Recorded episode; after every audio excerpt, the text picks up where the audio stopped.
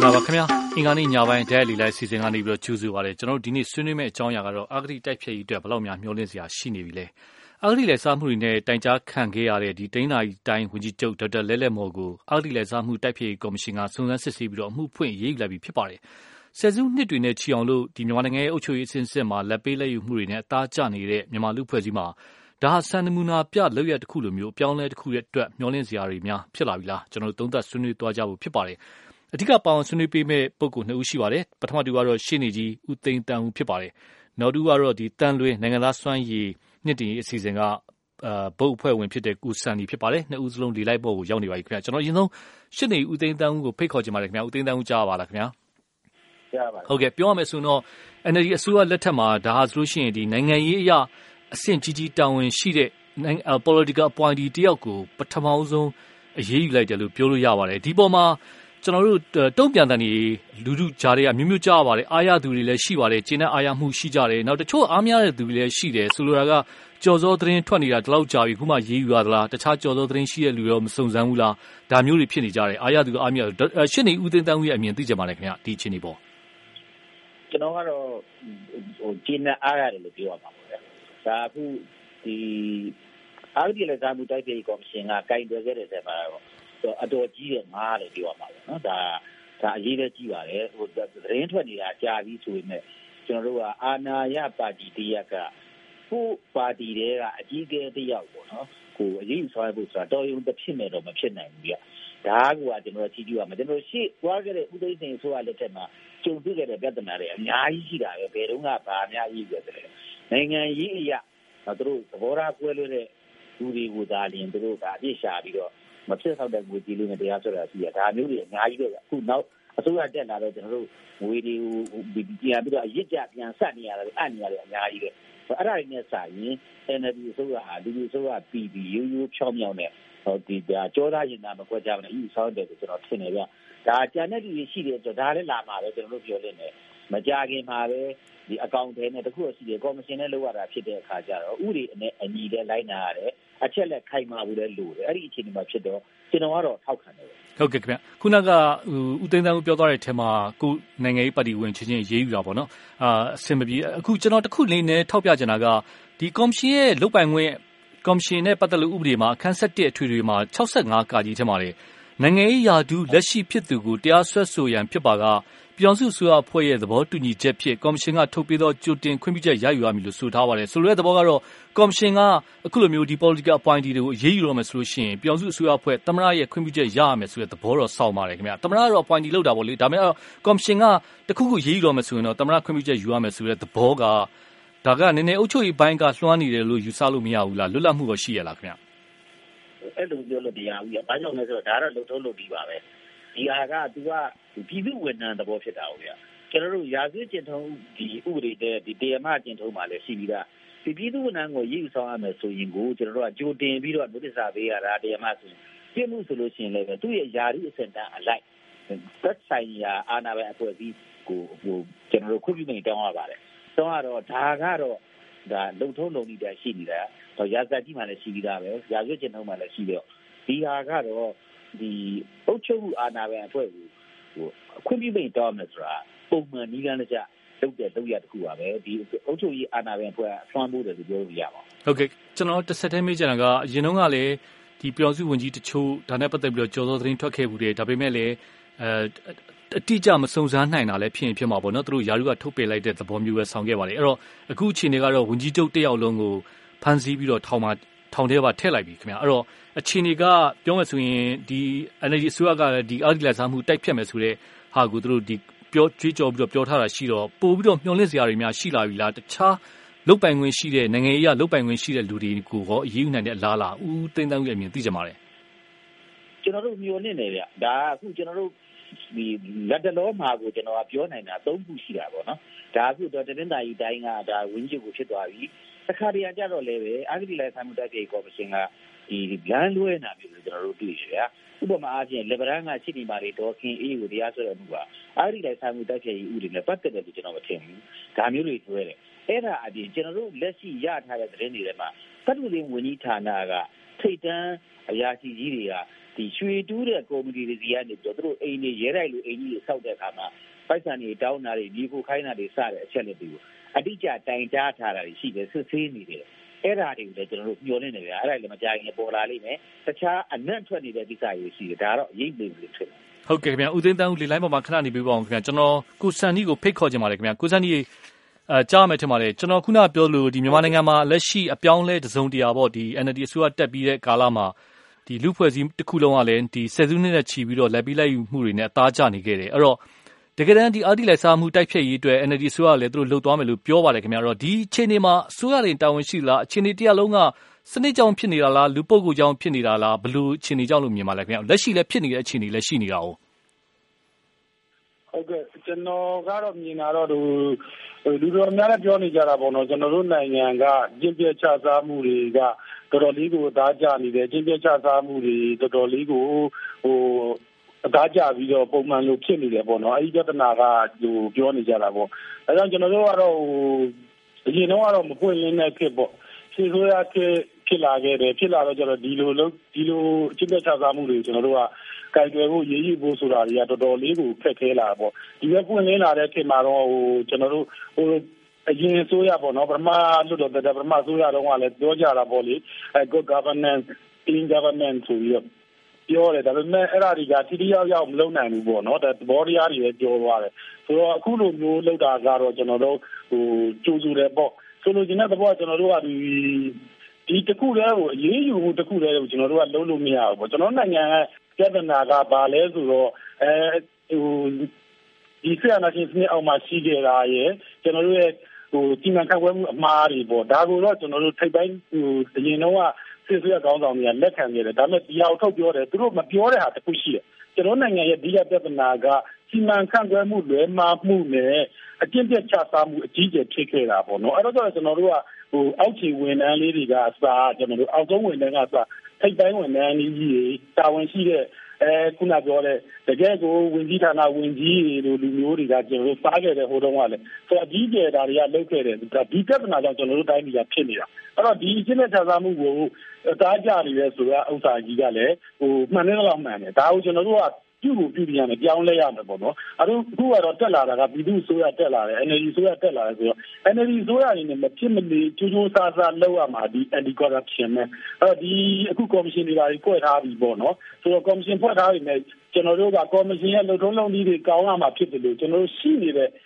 အဟောင်းတွေပေါ့အဲ့ဒါတွေကိုကျွန်တော်တို့ဘယ်လိုဖြတ်မလဲဆိုတော့အချက်တွေတော့ရှိတာပေါ့လေဒါကတော့ ဒီညာချင်းတွေလည်းဒါတွေကိုဆွေးနွေးပြီးသားပါကဘာအောင်မှလည်းဒီကိစ္စတွေကဖြစ်နေတာခုနပြောလို့တစ်နှစ်ကို1 trillion လောက်ကိုအဂတိလိုက်စားမှုရှိတယ်ဆိုတာကကဘာမှန်ပညာချက်တွေမှာလည်းရှိတယ်ကမ္ဘာ့ဘဏ် research လုပ်ထားတာရှိတယ် GDP ရဲ့တကယ်ရှိရာခိုင်နှုန်းလောက်ကအ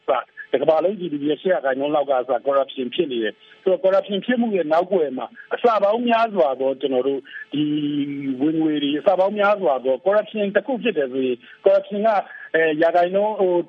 တစ်ခုဖြစ်တယ်ဆိုရင်နောက်ကနေပြီးတော့တိုးတက်ဖွံ့ဖြိုးမှုဆုတ်ယုတ်မှုတွေကနှစ်ခုသုံးခုလေးခုကနေပြီးတော့ငါးခုထိအောင်မို့ဟိုအစပေါင်းများစွာရှိနေတာပေါ့ဒါကြောင့်ကျွန်တော်တို့နိုင်ငံမှာဒီလိုမျိုး လောက်ရမယ့်အနေအထားတော့ဖြစ်လာပြီပေါ့ဖြစ်တဲ့အခါကျတော့ကျွန်တော်တို့အခုလိုမျိုးအရေးယူမှုတွေလိုတယ်စုံစမ်းစစ်ဆေးမှုတွေလိုတယ်ဒီလိုကော်မရှင်တွေနဲ့လောက်တာလို့ဒီလိုအခြားသောပြုရင်ပြောင်းလဲမှုတွေအများကြီးကျွန်တော်တို့လုပ်ဖို့လိုတယ်ပေါ့ကျွန်တော်တို့လုပ်တဲ့အခါမှာခုနပြောတဲ့ဟုတ်ကဲ့ဟုတ်ကဲ့အဲ့ဒါကျွန်တော်ဆက်ဆက်ပြီးမြင်လို့ပါအာဂတိလိုက်စားမှုနဲ့ good governance ဒီကောင်းမွန်တဲ့စနစ်အုပ်ချုပ်ရေးစနစ်ပေါ့နော်ဒီဆက်ဆက်မှုရှိရဆိုတော့ကျွန်တော်တို့အခုက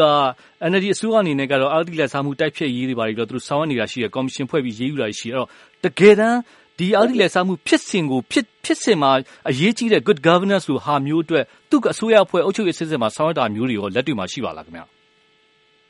အဲခုဘာရှိလာဆိုလည်းပေါ့ဗျာဒီဟိုတိုင်ကြားလို့ရတာတွေဖြစ်လာတယ်။နောက်လူထုနဲ့ဒီတာဝန်ရှိတဲ့သူတွေနဲ့တွေ့ဆုံတာတွေဖြစ်လာတယ်။ဒါကကျွန်တော်တို့ကောင်းတဲ့အနေအထားပေါ့။ဒါပေမဲ့အများကြီးတော့ကျွန်တော်တို့လူသေးတယ်လို့မြင်တယ်ပေါ့နော်။နောက်တစ်ခုကကျွန်တော်တို့ဝန်ထမ်းတွေကိုလာစားတိုးပေးခဲ့တယ်။ဒါကတော့ ဆိုရနေရစလုံးတိုးပေးခဲ့တယ်။ဒါကလည်းကျွန်တော်တို့ corruption ကိုဆွတ်ချတဲ့ဒီပေါ့။တခြားသောဟာတွေတော့ကျွန်တော်တို့လုပ်ဖို့လိုနေတယ်လို့မြင်တယ်ပေါ့နော်။အဓိကတော့ခုနပြောတဲ့ပွင့်လင်းမြင်သာမှုရှိဖို့ပွင့်လင်းမြင်သာမှုရှိဖို့ဆိုတဲ့အခါမှာစနစ်တွေပေါ့နော်။လုပ်တဲ့လုပ်တုံးလုပ်နည်းစနစ်တွေဘာလို့ကျွန်တော်တို့ယာလူကြီးကြီးရတဲ့လူလောက်ပိုင်ခွင့်ကြီးကြီးရတဲ့လူခုနပြောတဲ့ဝင်ကြီးချုပ်ဆိုတာအတိုင်းဒေသကြီးမှာကြီးတော့မှအဲ့လိုဝင်ကြီးချုပ်လိုလူမျိုးတွေဒီတက်မကပြည်တော်စုဝင်ကြီးတွေအဲ့လိုမျိုးလူမျိုးတွေမှာလောက်ပိုင်ခွင့်တွေများတဲ့အတွက်ကျွန်တော်တို့က စနစ်တွေပြောင်းရမှာပေါ့နော်ပွင့်လင်းမြင်သာမှုရှိတယ်ကျွန်တော်တို့ transparency ဖြစ်တဲ့ဟာတွေရှိရမယ်ကျွန်တော်တို့အလွယ်တကူသိရှိစုံစမ်းနိုင်ရမယ်ဒီကကျွန်တော်တို့လုံလဲလုံနေကြတယ်ပေါ့နော်ဒီဆိုရမှာလည်းလုံနေပါပြီဟို right to information ဆိုတဲ့ဟာဒါပေမဲ့သိပြီးတော့အလားလာတော့မကောင်းသေးဘူးလို့သုံးသပ်ကြတယ်ပေါ့နော်ဒီဥပဒေတွေကလည်းအဲဒါကြောင့်ကျွန်တော်တို့ဒီဟာတွေကိုပါလဲနောက်တစ်ခုကကျွန်တော်တို့ရှိပြီးသားဖြစ်တဲ့ရန်ရဒီလွတ်တော်ပေါ့နော်လွတ်တော်ရဲ့နိုင်ငံရေးအင်အားစုတွေ ပြည်သူရဲ့မီဒီယာရဲ့ပေါ့ပြည်သူဆိုတဲ့နေရာမှာကျွန်တော်တို့ကရပ်ဖက်ဖွဲ့စည်းတွေပါဒီလူတွေကနေပြီးတော့ဒီဟာတွေနဲ့ပတ်သက်ပြီးအလွယ်တကူသိရှိစုံစမ်းနိုင်ဖို့လည်းကျွန်တော်တို့ရှိရမယ်ပေါ့နော်နောက်တစ်ခုကတော့ကျိုးနီစနစ်တွေပေါ့ဒါကကျိုးနီစနစ်တွေရှိပြီးတော့ခက်ခဲနေတဲ့အခြေအနေတွေရှိနေမှဆိုရင်ဒီ procedure တွေမှာခက်ခဲနေမှဆိုရှိရင်ကျွန်တော်တို့ကမလိုလားတဲ့စနစ်ကိုကျွန်တော်ဖြုတ်ပြရမယ်။နောက်ပြီးထိရောက်တဲ့စနစ်တွေပြန်ပြီးတော့အစားထိုးပြရမှာ။ထိရောက်တဲ့စနစ်ဆိုတဲ့နေရာမှာခုနပြောတဲ့ဒါကိုအကာအကွယ်ဖြစ်နိုင်တဲ့စနစ်မျိုးတွေပေါ့။နောက်တစ်ခုက အခုကျွန်တော်တို့ကဘာမှနိုင်ငံတကာ invention တွေရှိတယ်2005ခုနှစ်ကစပြီးတော့ဒီ anchor တို့ဘာလို့ရှိတယ်ပေါ့နော် UNCAC ဆိုရဲအဲ့တော့အခု2015 73ခုနှစ်မှာသူကနိုင်ငံပေါင်း130ဖြစ်လာပြီအဲ့တော့ကျတော့အဲ့ဒီမှာပါတယ်ပါတယ်ဆိုတော့နိုင်ငံတိုင်းကနေပြီးလိုက်နာရမယ်ဟာအစိုးရတွေကလိုက်နာရမယ်ဟာဒီဒီငွေကြေးကွာခြားမှုတွေ banking ကိစ္စတွေနောက်တစ်ခါတနိုင်ငံနဲ့တနိုင်ငံ government to government လုပ်တဲ့ကိစ္စတွေမှာကျွန်တော်တို့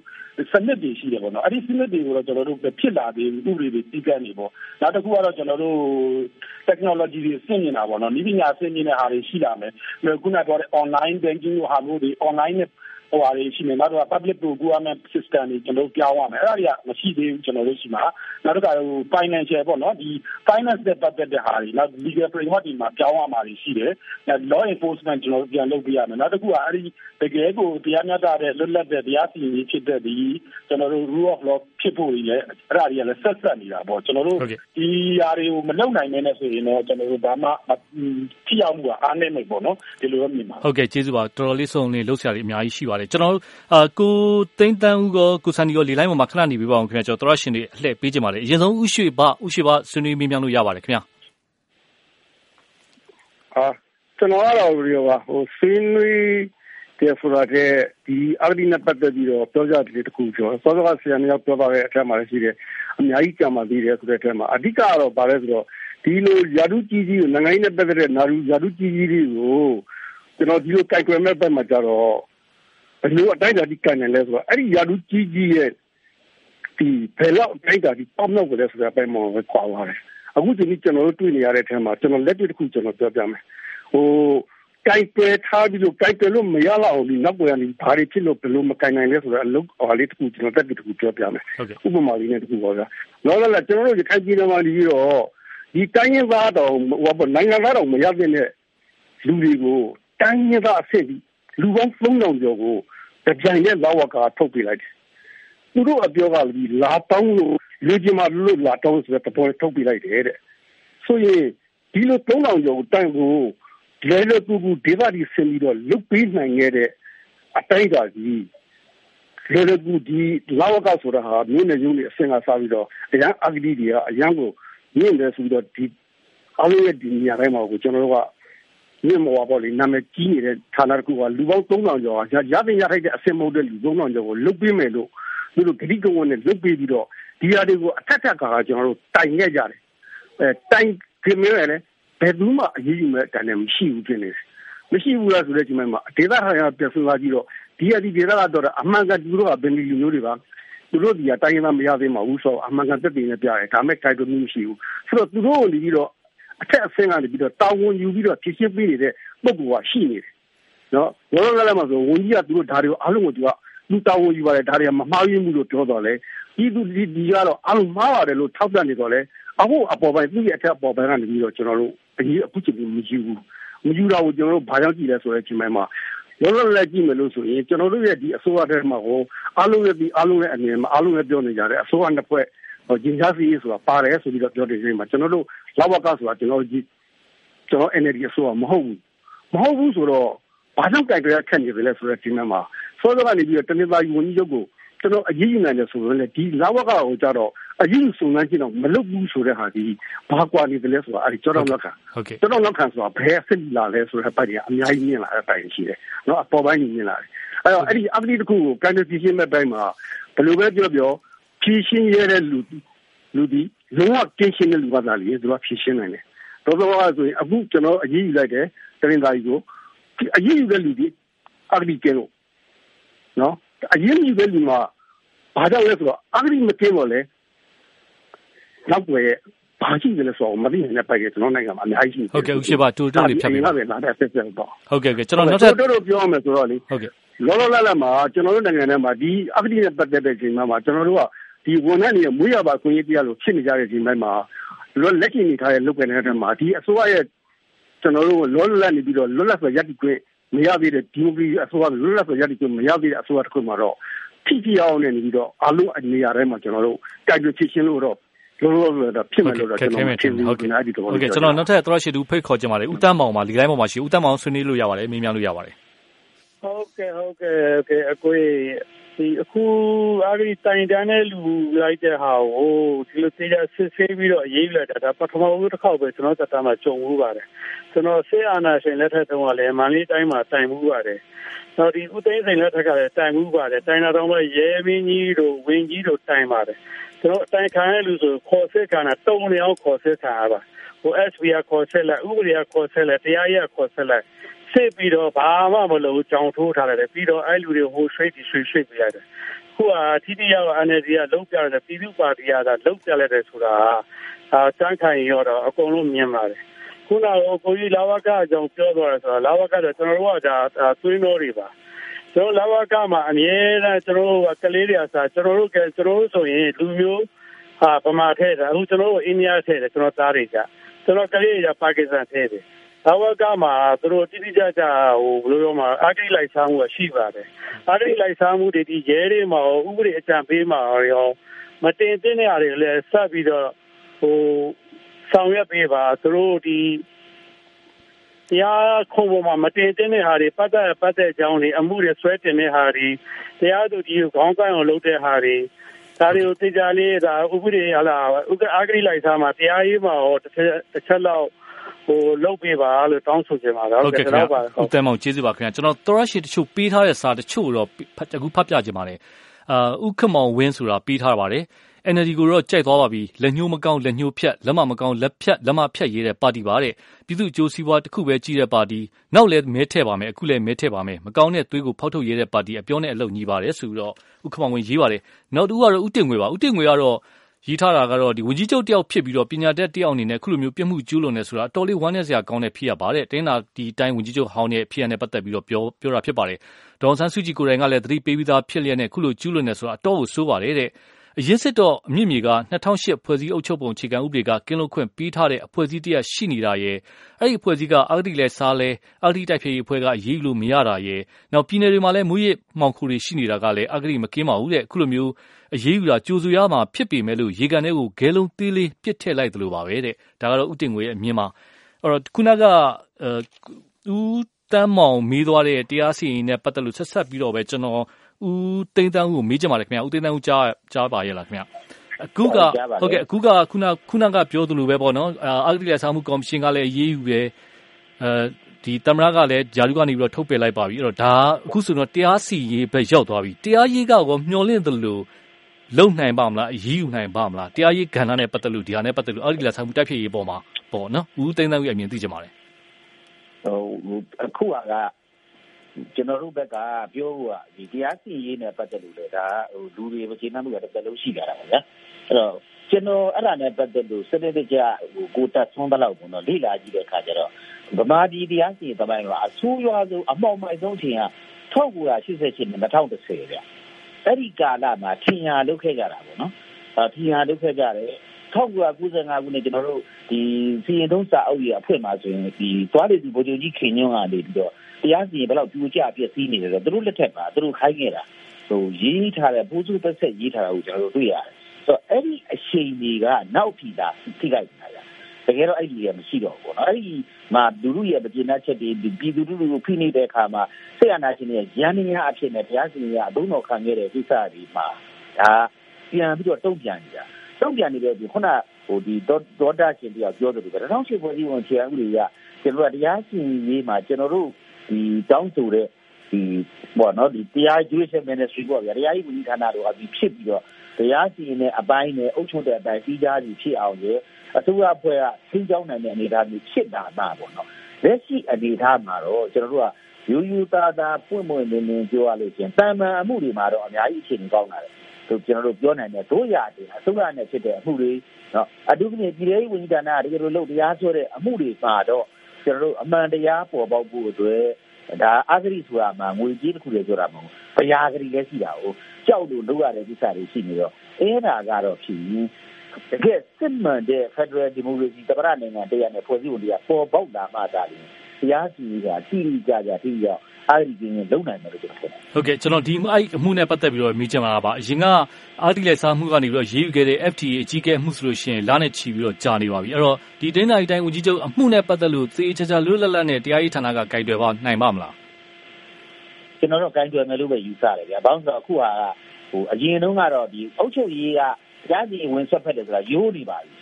မဆွတ်ဖက်လည်းပဲတရားစီရင်ကအလိုက်တသိဟိုကျွန်တော်တို့ဘောင်းတော်ကြီးစိတ်တော်တည်ပဲလုပ်ပေးရတာ။ဟာဒါကတော့ဒါစစ်ဆိုးကနေပြီးတော့မကြည်ဘူးတဲ့လူတွေပဲဒီကောင်တွေတော့ထောင်နှစ်90ချလိုက်တယ်လုပ်ပေးရတာ။ဒါပေမဲ့အခုချိန်နေမှာတော့ကျွန်တော်တို့ပြန်လည်ပြောတာတွေတော့ရှိပါတယ်။သမရကနေပြီးတော့အောင်ရွက်တဲ့ကိစ္စပြောတဲ့ကိစ္စမှာတော့မှမကျေနပ်ကြတဲ့တရားသူကြီးတွေရှိပါတယ်။ဒါတရားစီရင်ဆွတ်ဖက်တယ်ပြောကြတဲ့အပိုင်းတွေရှိတာပေါ့ဗျာ။ရှိတော့ဒီမှာလည်းလုတ်ကြီးကကြီးနဲ့တတိရှိတဲ့ဒီလူငယ်လူလက်တရားစီတွေရှိပါတယ် ကျွန်တော်ထင်တယ်ဒီလိုကိစ္စမျိုးမှာတော့သူတို့သိနောက်ဆုတ်မယ်မထင်ဘူးရဒီအစဉ်မျိုးကတော့လေနော်ဒီမဟုတ်တဲ့ခုနကလိုကြံတဲ့ဟာမျိုးဆိုတော့ကြောင်ပြောရညာစစ်တပ်နဲ့ပတ်သက်တဲ့ကိစ္စမျိုးတော့ဒီကျွန်တော်လွတ်လွတ်လပ်စီရင်ရဲမယ်လို့ကျွန်တော်မထင်ဟုတ်ကဲ့ခင်ဗျာကျွန်တော်ဒိုင်ဒီလိုက်စီစဉ်ချိန်စစ်တော်လို့ပါပါဝင်ဆွေးနွေးပြီးတဲ့ဦးသိန်းတန်းဦးဦးစံနီနဲ့ကျန်တဲ့သရရှင်တွေအားလုံးကိုကျေးဇူးအများကြီးတင်ပါတယ်ခင်ဗျာဒိုင်ဒီလိုက်စီစဉ်ကိုတော့ဒီမှာပဲကျန်တော့ခွင့်ပေးပါခင်ဗျာ